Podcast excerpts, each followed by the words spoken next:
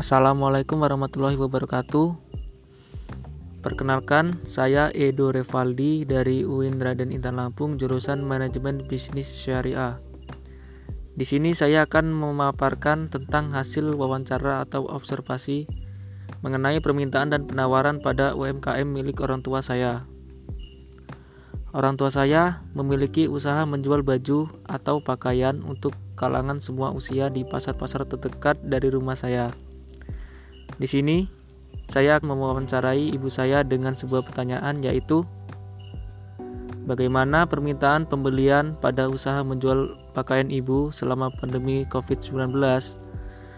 Dan ibu saya berpendapat bahwa permintaan pada usaha miliknya mengalami penurunan.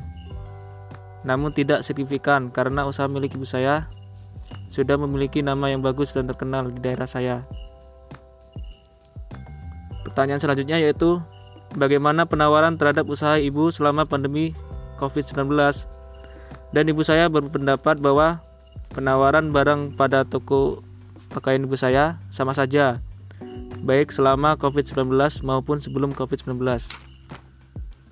Jadi kesimpulannya adalah pada toko pakaian ibu saya selama COVID-19, permintaan pada usaha ibu saya mengalami sedikit penurunan dan penawaran pada toko pakaian ibu saya tetap seperti sebelum COVID-19.